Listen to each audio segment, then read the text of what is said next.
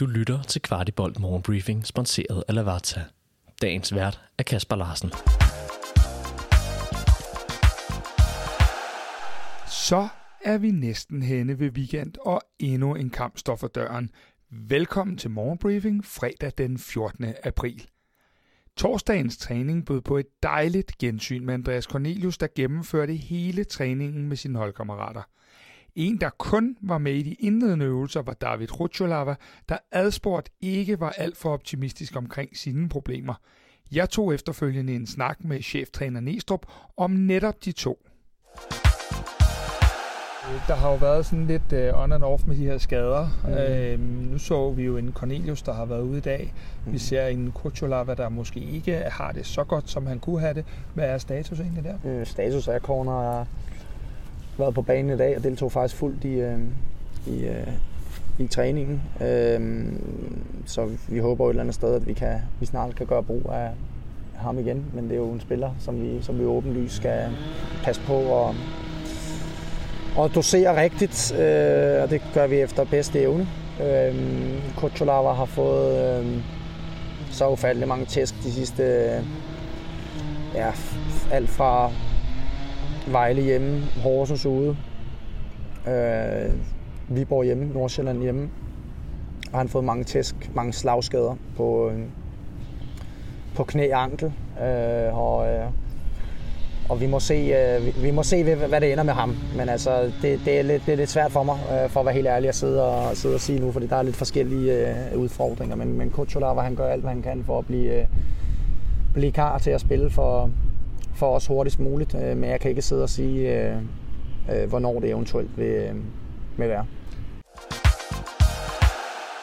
Ellers var det en træning, hvor der blev tærpet en del opspilsøvelser, og en masse spillere skiftede positioner. Thomas Jørgensen og Nora Sasa fra U19-holdet deltog også.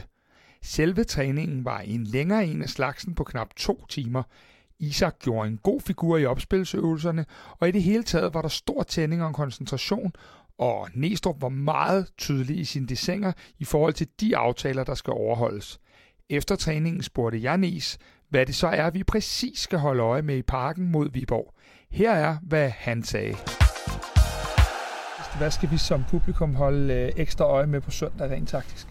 Jamen altså, Øh, nu vil jeg sige det sådan, nu har, vi, nu har vi haft en træning i dag, der har taget mest udgangspunkt i, øh, i os selv, øh, og nu skal vi ind og, og kigge lidt, øh, lidt mere på, øh, på, på Viborg igennem, for at, den plan, som vi skal eksekvere på på søndag, bliver, bliver mest muligt øh, mest mulig effektiv. Øh, men jeg synes stadigvæk, at, at noget af det, hvor vi har, vi har generelt har været gode, øh, og som vi, ikke, som vi ikke var så gode til mod, mod, mod Randers, det er vores, øh, vores evne til, at når, når vi har ramt øh, sige, de brede områder, eller de halvbrede områder omkring øh, modstanderens felt, at, at det, at vi kan angribe øh, halvbredt i boldside, samtidig med, at vi kan angribe halvbredt øh, modsat bolden på, på chipbolden. Det synes jeg er noget af det, vi faktisk har fået lagt på vores spillere.